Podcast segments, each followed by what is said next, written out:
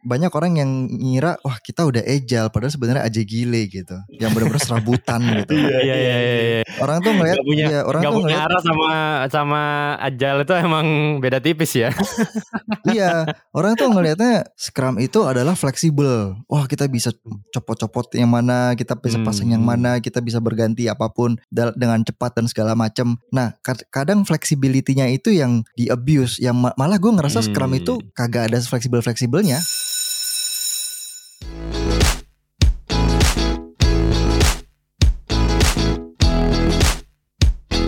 Halo guys, akhirnya gua opening lagi. Eh, gimana gimana kabar kalian semua? Sehat-sehat selalu ya guys. Alhamdulillah. Gue sehat, alhamdulillah. Dan gue tuh baru nyadar kan, gue kemarin buka Spotify kita ya, terus gue Hmm. baru nyadar tahun ini tuh gue baru rekaman sekali ya kayaknya. Parah juga gue. ya. iya, Ah, iya juga ya. gue tuh baru sekali rekaman. Lo udah mulai sibuk sih. gitu.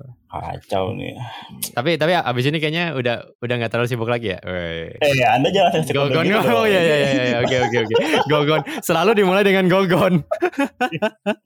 Iya, iya, iya. Ya nanti lah, nanti, nanti. Pokoknya nanti Ya kan masih masih menunggu. Masih menunggu, masih menunggu, masih menunggu. Tapi pokoknya nanti akan ada state di mana di antara kita berempat, Rama lagi nggak bisa ikutan nggak apa-apa. Cuma Aji yang belum pernah melakukan hal tersebut. Hmm, Apa tuh? Apa tuh? Gogon-gogonnya itu ya. Ya itu. Ya. Gue gue susah pak. Aduh. Pertama udah, Pau Hmm. udah waktu itu. Sekarang gua. Hmm. Nah, Aji Oh, ini yang ya. paling bertahan ya. eh, melakukan desain ya. desain. Betul, Desain. betul, betul, betul. Tapi ganti pakai R jadi desainer. Ini ini kita kayak berasa ini ya. Dulu tuh gue pernah waktu kuliah di kampus tuh ada kita punya grup berempat gitu. Pacarannya tuh lama-lama gitu ya. Terus tiba-tiba satu satu persatu putus gitu. Tinggal satu yang yang lama nggak putus-putus gitu kan. Ini kayaknya model-modelnya kayak gitu ya. Ini kayak oh iya nih hari ini si ini putus nih. Lo, lo kapan putus gitu kan kayak ya ampun. Lo lo termasuk yang putusnya duluan apa putusnya cepetan atau belakangan Ji? Apa Belakangan gue paling paling terakhir gue. Oh, Eh, tapi akhirnya putus juga. Enggak, eh gue kan akhir-akhir ini lagi eh, mencoba menerapkan sistem Scrum yang lebih baik di Mhm. organisasi gue lah ya di pemimpin gitu Mhm. kan di pemimpin.id. Nah makanya kemarin kita ada ngobrol-ngobrol ya Dit ya tentang tentang Ya. Scrum nih. Nah makanya Parah ngobrolnya berdua doang, gue nggak dia, nggak diajakin. udah gue taruh di grup, boy. tulis di grup gak ada muncul. Anda ngobrolnya jam kerja eh, susah. Ya, kan bukan salah kami. Yang penting kan kita udah ngabarin. udah ngabarin di grup. Nah, makanya sekarang ngobrolinnya rame-rame di sini gitu. Kayaknya karena pendengar kita kan banyak anak-anak startup nih gitu. Nah, ternyata hasil diskusi gua sama Didit, Scrum ini itu kalau misalnya ngomongin agama itu ibadahnya bisa beda-beda gitu ya, Dit ya. Walaupun secara penerapan ibadah, penerapan. Mazhabnya beda, mazhabnya beda. Mazhabnya bener, mazhabnya beda-beda walaupun secara apa namanya inti utamanya, ajaran utamanya sama gitu ya, tapi penerapannya beda-beda. Nah, makanya gue jadi penasaran nih gitu, penerapan Scrum di tempat kalian gimana guys? Kayaknya bakal jadi topik yang menarik nih gitu kan, karena kan banyak banyak Mhm, pendengar kita juga mungkin punya mazhab-mazhab yang berbeda dalam Scrum gitu. Gitu. Mungkin Pak Didit bisa dimulai dari ajaran utama kali ya. gue mungkin kalau cerita soal Scrum tuh kebanyakan cerita soal gue di Laptek kali ya. Karena kan Hmm. Laptek udah lama banget pakai Scrum ya dari tahun 2012 udah udah udah pakai Scrum gitu.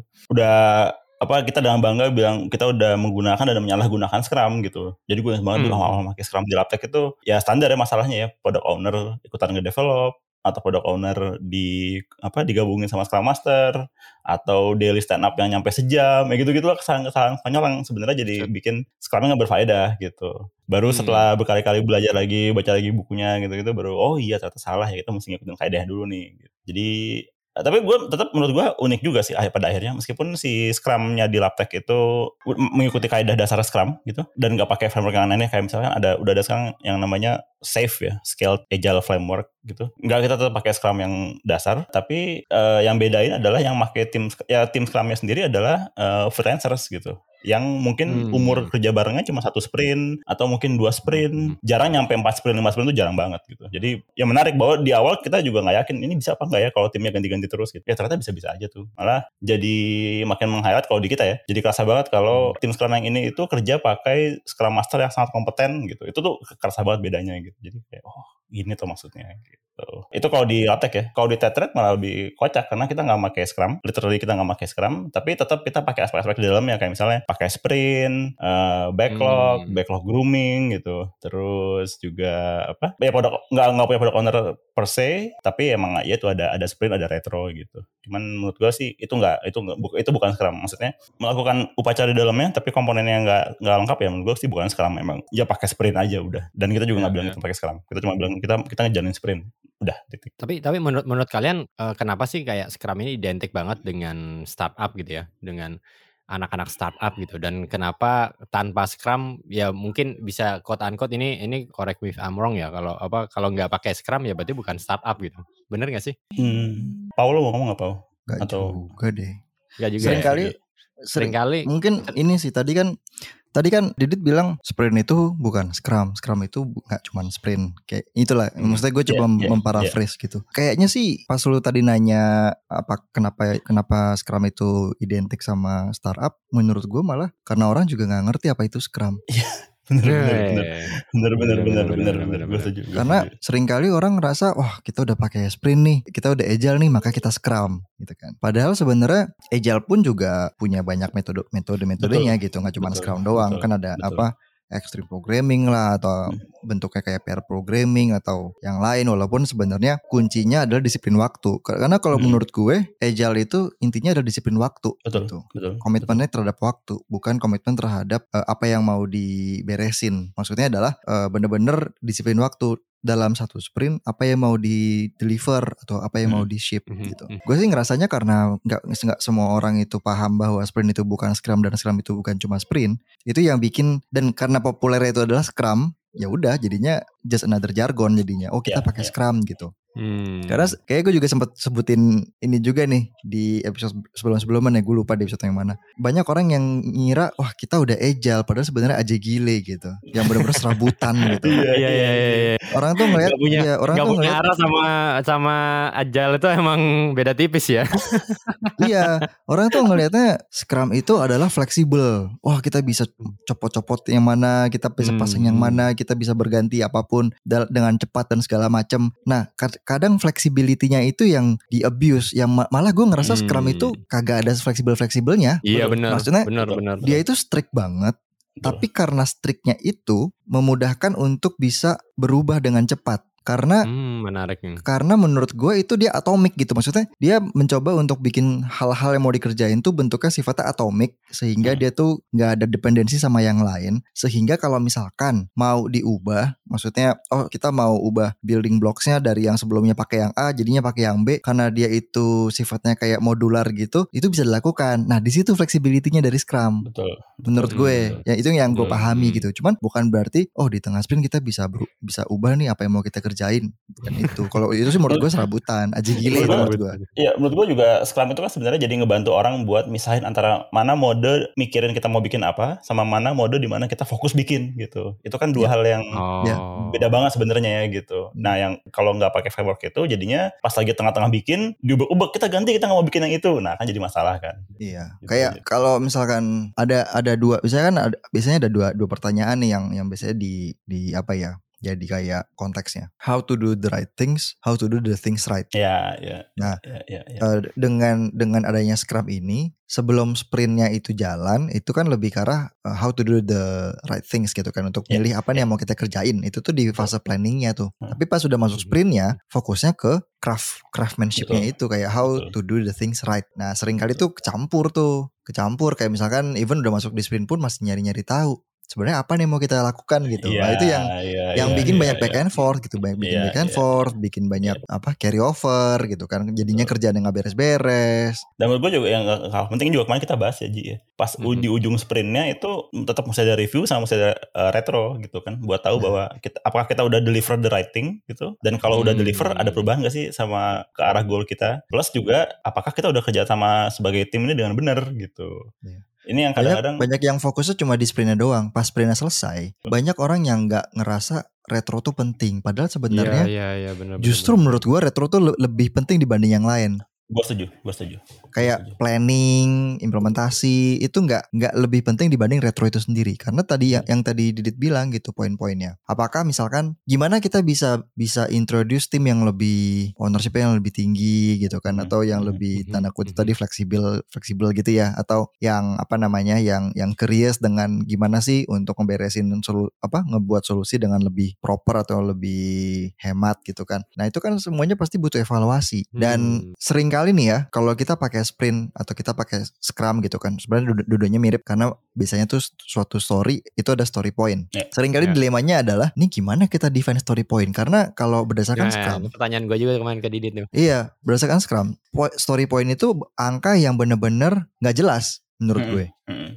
Jadi scrum itu tuh kayak diben dia cuma bikin koridor tapi dia nggak bikin guideline yang clear Ya, ya. Story point itu uh, ada orang yang bisa pakai angkanya Fibonacci, ada yang misalkan dia Hmm, pakainya ngurut dan segala macam. Ya, ya, ya. Tapi itu nggak merepresentasikan apa pun, nggak ada standarnya gitu. Tapi ya yang jelas, yang jelas itu bukan main days kalau menurut Scrum. Betul, betul. Hmm. Nah, jadinya approach-nya beda-beda. Kayak gue dulu awal-awal nyobain metode Scrum pun juga bingung. Bikin story bisa gitu kan. As a user I wanna be bla bla bla gitu. Itu itu clear lah gitu kan. Hmm. Acceptance kriteria juga clear. Tapi pas kita eh, melakukan grooming habis itu nge- ngebobotin gitu, semuanya pada bingung. Bedanya satu, bedanya dua, sama Ya, tiga, sama ya. lima, itu tuh Hmm. apa? Dan itu butuh waktu yang nggak pendek itu untuk kita Betul. bisa ngedapetin definisi apa itu Ya. satu, kapan suatu story itu satu, kapan story itu dua bobotnya. betul, betul. Dan Nah, sebenarnya itu juga itu iya. juga relatif sama tim yang ngejain kan. Iya, iya. Ya, Dan kan? Ada ada unsur su- subjektivitas juga gitu. Makanya kan kalau di Scrum itu kan cara bo- pembobotannya itu kan pakai poker gitu ya. Yang Hmm. eh, intinya adalah semua orang punya hak untuk memberikan bobot terhadap suatu story. Biar apa? Biar kita bisa mengkalibrasi juga gitu kan. Kalau misalkan menurut banyak orang itu 5, tapi ada satu orang bilang itu 13, berarti kan bisa digali juga. Kenapa nih? Kenapa? Kenapa, lu mikir Betul. 13? Ya, Kenapa lu mikir betul. 5 gitu kan. Nah, Betul. tapi itu nggak ada nggak ada standarnya gitu. Itu justru Iya. di situ justru yang yang apa ya? Yang menurut gue justru susah Scrum itu karena loose banget gitu. Dia strict tapi loose gimana ya? Unik banget gitu. Dia bikin ritualnya tuh strict tapi detailnya tuh loose banget karena Terus ya. eh, justru gue ngerasa di situ dia ngasih ruang kepada organisasi yang ngejalanin untuk adapting dengan capability dan Betul. juga kondisi timnya masing-masing. Nah, di situ yang suka Betul, lupa. Betul, betul, betul, betul. Nah, kalau Dan- misalkan retronya itu nggak ada, Nah, standarnya itu Nah, itu iya, nggak benar, akan benar, bisa benar, disesuaikan benar, dengan capability dan juga kondisi dari tim. Nah yang gue yang ya, kayak gue juga gue, gue juga beberapa kali yang ngasih training Scrum ke beberapa tempat gitu. Yang sering gue amatin adalah tempat-tempat yang ngejalanin Scrum ini itu langsung ngejalanin, tapi di hari pertama ngejalanin Scrum itu udah langsung dia- diadaptasiin sama keadaan di tempat mereka gitu. Jadi misalnya PO digabung Ya. sama Scrum Master misalnya gitu ya. Eh, Hmm. Karena kita nggak ada orang nih kita gabung-gabungin aja semuanya gitu. Padahal menurut gue kebalik gitu. Justru lu ikutin dulu kaedah yang berlakunya gimana. Jalanin lah tuh misalnya 5 sprint dengan ngikutin aturan bakunya. Karena nanti baru ketahuan tuh di selama sih kita bisa improve, kita bisa adaptasiin sama keadaan kita gitu.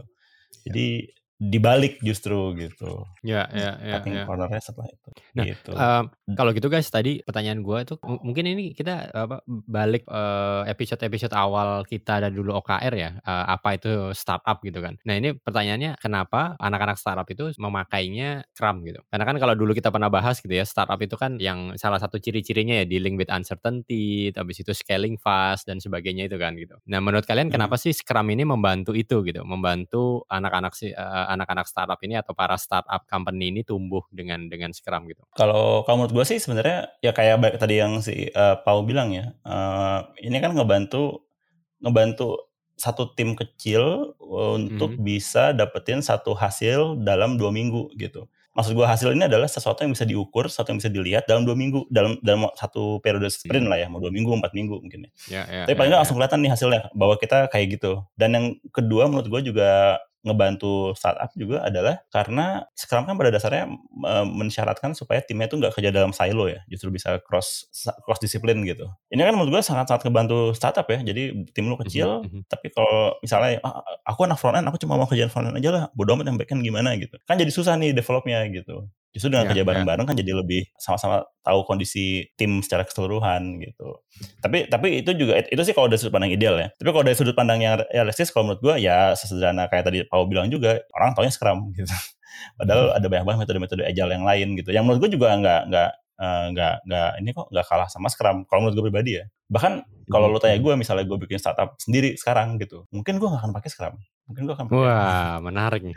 gitu. Mungkin di episode minggu depan kita bahas ya metode lain selain Scrum yang bisa dipakai. Capek capek apa ya gitulah. Ada namanya waterfall. Yes kita kembali. Balik lagi dong.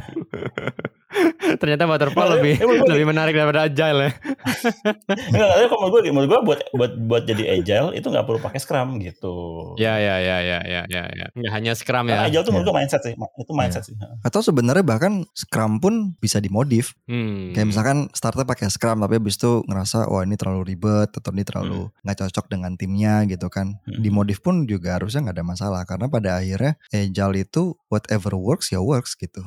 Betul. betul. Jangan Nah, apa namanya ya em, agile development itu kan biasanya kan apa ya mindsetnya kan lebih ke arah growth mindset, pragmatic gitu kan. Jadi Iteratif, em, iteratif, iteratif. Ya, juga. dan juga iteratif gitu Hmm. kan. Eh, dan juga dicek terus makanya ada, ada kayak unsur validasinya juga gitu. Hmm. Jadi kalau misalkan karena menurut gua nggak nggak ada satu metodologi yang cocok untuk semua bener. company bener. di dunia gitu kan. Betul, Jadi kalaupun kita mau pakai Scrum tapi nanti menerjemahkannya itu beda gitu kan dalam misalkan cara kita grooming atau cara sprint planningnya atau sch- schedulingnya atau gimana itu menurut gua sah-sah aja. Kayak contoh sekarang eh bukan sekarang sih.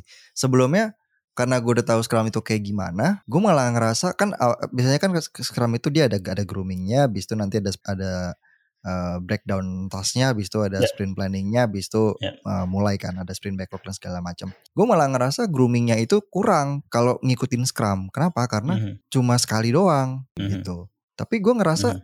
dengan groomingnya itu cuma sekali doang, banyak story yang masih mentah atau banyak eh, dari sisi banyak detail yang masih belum au- di apa ya dipahami atau eh, disadari oleh tim tech yang ada atau dari QA-nya itu sendiri Mhm, itu mhm. satu akhirnya dari situ gue gua gua improvisasi kita akhirnya dengan sprint yang dua minggu panjangnya groomingnya tuh nggak cuma sekali tapi tiap minggu ada Mhm, grooming mhm, mhm. Jadi Iya, iya, setiap- iya, iya, iya. setiap story itu harus lewatin minimum dua kali grooming sehingga ada waktu saat si product manajernya itu atau product ownernya itu share story-nya bisa di challenge dulu nih dan bisa di detailin dulu nih sama si engineer-nya kan untuk melihat a- apa yang mau ditanyain apa yang mau di karena sering kali tuh kalau gue lihat di retro ya masalah klasiknya adalah engineer ngerasa story-nya tuh kurang detail. Mhm, mhm, mhm, tapi si product ownernya atau product manajernya itu ngerasa engineer-nya itu nggak ngasih feedback. Gitu. Nggak ketemu ya. karena iya nggak ketemu gitu. Jadinya gue malah ngeliatnya oh ini masalah masalah komunikasi nih gitu kan. Ya udah kayaknya nggak bisa nih kalau cuma sekali berharap story itu langsung bisa cukup detail gitu kan di mana orang-orang udah aware apa aja di apa apa aja yang ada termasuk di dalam story tersebut ya udah akhirnya gue bikinlah groomingnya itu seminggu sekali Hmm, seminggu hmm, sekali. hmm, itu satu. Yang kedua cara groomingnya itu sendiri. Kan kalau di Scrum itu nggak dijelasin cara kita jelasin storynya seperti apa. Secara natural story-nya itu di di di share gitu as in kayak Mhm. dipresentasikan cuman jadinya eh, waktunya itu jadi banyak kebuang karena satu only the loudest voice control the room satu Mhm, itu mhm, yang kedua karena ngejelasin kecepatannya pun juga rendah karena kan dipresentasikan. Jadinya dalam satu jam paling cuma ada tiga story yang bisa dihandle, dibahas dengan cara meeting kayak presentasi gitu. Ya, ya, ya. Nah akhirnya gue coba improvisasi. Akhirnya gue pakai silent meeting. Ini yang Mhm, sampai mhm. sekarang akhirnya di- dilakukan dan dan itu jauh menghemat waktu dan jauh menghemat effort. Itu akhirnya gue gue cobain dari 2000, 2000 berapa ya? 2019 deh. Ya dari 2019 sampai sekarang. Em, dan itu makanya karena itu eh, grooming yang kita mau bahas misalkan 10 story itu bisa kelar dalam satu jam, Mhm, mhm, mhm, even lebih. Maksudnya Oh. bisa lebih banyak story dengan Iya. waktu yang lebih cepat gitu. Satu jam tuh udah udah cukup banget gitu. Kecuali kalau misalkan ada story yang yang cukup besar gitu, nah itu mungkin butuh waktu lebih lama. Tapi untuk Ah, story-story ah. biasa itu sa- satu jam tuh udah udah bisa banyak. Makanya gue suka suka bingung sama orang yang masih butuh grooming tuh dua jam, tiga jam. Ada teman gue bahkan setengah hari gitu. Iya, iya. iya. Ya mungkin juga itu juga balik dari ini kali keterampilan mem, mem, mem- membreakdown story-nya gak sih, eh, Paul? nah itu, Itu sih juga ada. Sama kuncinya. ya makanya sebenarnya case by case juga sih menurut gue Iya, ya. Maksudnya nggak iya, nggak bisa kita nggak bisa ngejudge bahwa oh yang yang grooming 6 jam itu jelek gitu. Menurut gue nggak juga. Mungkin metodenya yang bisa diimprove, mungkin cara komunikasinya atau eh, keterampilan eh, breakdownnya tadi yang seperti yang lu bilang tadi juga mungkin belum atau ada hal lain gitu. Cuman ujung-ujungnya adalah metode Scrum itu ja- jangan cuman diterima mentah-mentah aja gitu. Maksudnya kita perlu bisa lihat apa sih pain pointnya sekarang. Oh groomingnya ini Hmm, makan hmm, waktu kebanyakan hmm, gitu misalkan. Hmm. Akhirnya orang nggak mhm. fokus. Apalagi WFH gini 6 jam gitu udah pasti udah sambil makan Anjir, lah, sambil apa segala macam gitu kan. Udah udah nggak fokus gitu. Dua layar sambil main game. Iya dua ya sama sambil main game. Nah, eh, abis itu ntar tunggu dipanggil kan. "Eh, gimana Pau? Hah, gimana? Kenapa? Tadi apa? Boleh diulang gitu kan. Jadi kan sorry sorry tadi ada ada, ada call mendadak gitu ya. nah, sore ini ada ada call dari US gitu kan contohnya. Ah. Masih Nah. dendam aja guys. Sorry sorry sorry. enggak, enggak, enggak ada bercanda. Enggak, enggak. Langsung aja. aja. Aduh, aduh. Itu di situ kita juga butuh ada kreativitasnya gitu, kreativitas Betul, betul. untuk improving prosesnya itu sendiri. Betul, betul. Nah, oke, Dan oke. apa satu lagi yang sebenarnya yang pengen gue highlight juga ya mungkin tadi gue sempat nyebut ya yaitu soal ini sih soal apa keterampilan Scrum Master gitu karena menurut gue Scrum Master ini sebenarnya orang yang mestinya paling tahu kondisi kondisi tim Scrumnya ya gitu cuman satu ini juga agak kontradiktif menurut gue ya karena susah buat dapetin Scrum Master yang emang bener-bener ngerti tim pas juga ngerti domain kerja timnya tapi juga in a way susah juga sebenarnya menjustifikasi kenapa kita mesti hire satu orang full time betul. cuma buat manage timnya gitu misalnya. Betul, betul. Itu juga Eh. kan nggak nggak sesederhana itu karena kan kebadan Benar. keba- kebadan Scrum tim tidak langsung berpengaruh pada deliverables eh, tim Scrumnya gitu. Gimana sekarang di di tim gue udah nggak ada scrum master malah. Oh iya lu, lu, lu nggak ada nggak Scrum Master di tim lu ya? Nggak ada. Oh iya. Nggak iya. Tapi harusnya Scrum Master itu yang senior atau yang atau yang junior gitu sih? Kalau Scrum Master ya Kalau harusnya. gue sih menurut gue nggak nggak ada junior senior sih menurut gue ya. Lebih ke apa ya eh, kemampuan si orang itu buat bisa berempati sama tim Scrumnya sih. Karena gue pernah sekali ada kasus di Laptek gitu ya. Ada an- ada yang jadi Scrum Master itu orangnya bener-bener super junior gitu. Ya super junior mah ini ya, Hmm. K-pop ya. Tapi maksudnya dia dia junior gitu dia belum ya dia sangat junior sangat junior gitu. Tapi dia oke banget. Dia bener-bener bisa ngerti oh timnya ngapain. Dia bisa sangat Ah. runut menganalisa kenapa timnya kok eh, nggak deliver sprint ini, kenapa kok si ini eh, udah tiga hari nggak beres-beres eh, tasnya, apa yang bisa apa yang kejadian, apa root cause-nya tuh dia bisa bisa menganalisa dengan benar gitu. Tapi juga pernah ada kasus ketemu Scrum Master yang udah berpengalaman, udah berapa kali jadi Scrum Master, tapi menurut gua level analisanya, level empatinya nggak sedalam yang si junior tadi ini gitu. Jadi Hmm. apa ya eh, jam terbang sih kali apa jam jam jam terbang sama bakat bawaan kali kalau- Bakat kalau bawaan lihat ya. gitu ya. Eh tadi Pau bilang lo udah nggak ada Scrum Master, berarti siapa Pau? Yang ini Pau? Yang yang ngontrol Scrum. Jadi Scrum Masternya itu jadi suatu apa ya? Suatu role, tapi role-nya itu dijalankan oleh gantian gitu semuanya. Ya, ya, Jadi, ya, ya, ya. Kayak contoh eh, kalau di grooming yang conducting grooming ya dari produknya, Eh, yang conducting task breakdown-nya, facilitating task breakdown-nya itu tech lead-nya gitu kan. Mhm, mhm, Kayak sprint mhm, planning untuk untuk nentuin backlog dan segala macam itu juga dari tech lead-nya. Mhm. Terus untuk yang Hmm. conducting stand up itu biasanya udah ganti ganti-gantian gitu untuk untuk Ya, jadi ya. hostnya gitu kan itu ganti-gantian. Eh, jadi Scrum Master itu role-nya tetap tetap ada dan tetap dibutuhkan, tapi nggak ada dedicated person. Ya mungkin juga karena secara organisasi tempat lu ini kali ya, Pawe udah lebih udah lebih dewasa soal apa itu Scrum, soal apa itu Agile kali ya. Gua kebayang kalau tempatnya masih baru butuh banget kali. Mungkin ya, mungkin ya, mungkin. Nggak karena juga Scrum Master ini unik banget sih, maksudnya Iya. se- karena se- sebelumnya tuh sebelumnya tuh sempat ada role itu sebenarnya Scrum Master, cuman nggak ngerasa berfaedah banget gitu. Nah, iya iya iya iya iya iya iya. Dan kebayang, susah gitu nemu gimana ya nemu titik tengahnya gitu kayak Hah. gimana ya ngejustifikasi ada orang yang butuh dedicated scrum master gitu nah itu nggak semua company bisa bisa nemu gitu Betul, betul. Heeh. Betul. Ya, ya, ya. Ini se- sebenarnya kalau kalau yang gue belajar dari uh, Holocracy juga kan, dit. eh, nah ini ini ini juga Hmm. apa eh, yang makanya yang yang yang gue bingung juga gitu ya. Kan kalau suatu lead di tim itu nggak boleh jadi leading leading meeting ya, kalau nggak salah kan. Jadi kan kayak apa ya, ya tadi gitu makanya gue oh ternyata di di Pau eh, kayak tech lead gitu bisa jadi scrum master ya gue kira itu kayak harus ada orang lain nggak selain dari leadernya gitu yang yang jadi yang ngelit yang ngelit sprint atau ngelit ngelit meeting gitu ternyata masih masih bisa juga ya asalkan asalkan emang kedewasaan timnya udah udah ada gitu ya Eh, kalau menurut gue gini sih jangan apa ini kan lu ngegabungin dua hal sekaligus ya kalau kasih sama Oh, Scrum iya, gitu. iya, iya. Tapi eh, ini kan lebih ke facilitating meetingnya justru gitu. Jadi Oh, eh, sebenarnya siapa pun boleh aja facilitating meeting gitu nggak kenapa-napa. Selama dia ngerti kan ini meetingnya arahnya ke mana gitu. iya Hmm. menurut gue yang penting yang facilitating ngerti cara fasil- fasilitasnya gimana gitu. Nah gue malah ngerasa waktu itu dengan adanya dedicated Scrum Master si timnya pun juga kayak dimanjakan gitu loh. Terus akhirnya Oh. mereka iya, iya, nggak iya. nggak speak up gitu. Karena mereka nggak speak up, abis itu nggak terbiasa apa ya? Ya nggak terbiasa speak up lah. Nggak terbiasa speak up, nggak terbiasa untuk nge-host suatu meeting gitu kan. Akhirnya gue pakai silent meeting. Hmm. Akhirnya role Scrum Masternya itu di dissolve gitu. Karena Hmm. akhirnya setelah adanya silent meeting, engineer-nya itu yang mungkin sebelumnya itu takut ngomong gitu kan atau kayak ah udah ada udah ada leader Hmm. gua nih gua nggak usah ngomong lah gitu kan. Udah udah nggak udah mulai udah mulai kegerus gitu. Culture yang Hmm, seperti itu. Jadi hmm, kayak hmm, udah hmm, hmm, hmm. ya udah kalau mau nanya nanya langsung gitu. Karena dengan dengan kita bikin silent meeting tadi, jadinya kan semua orang punya kesempatan yang sama kan untuk bisa Iya, mengutarakan pertanyaannya dia Oh gitu. ini kayaknya kita apa next next episode bahas khusus silent meeting menarik kayaknya. Karena menurut gue ya Iya. kalau silent meeting itu berjalan dengan baik tuh bener-bener menghemat waktu banget gitu loh. Dan lo ber- berhasil menyelamatkan uang perusahaan berapa banyak Jadi dengan silent Gua- meeting. ya itu gue sebelumnya se- sebelumnya gue nge ngelakuin grooming itu Hmm. minimal dua jam kalau kita presentasi gitu dan itu bisa hemat berarti hemat setengah waktunya dari dua jam cuma sejam atau bahkan kalau misalkan nggak ada story yang gede gitu setengah jam juga kelar Mungkin kita juga bisa nyobain pakai ini ya silent recording ya. Kita rekaman podcast. Iya, jangan-jangan gitu. podcastnya mendingan kita salah recording dulu nih 15 menit pertama tuh di, diem nggak ada suara gitu kan Iya, iya. Habis itu, ya, "Oke, guys. apa nih yang mau kita Yang- bahas gitu.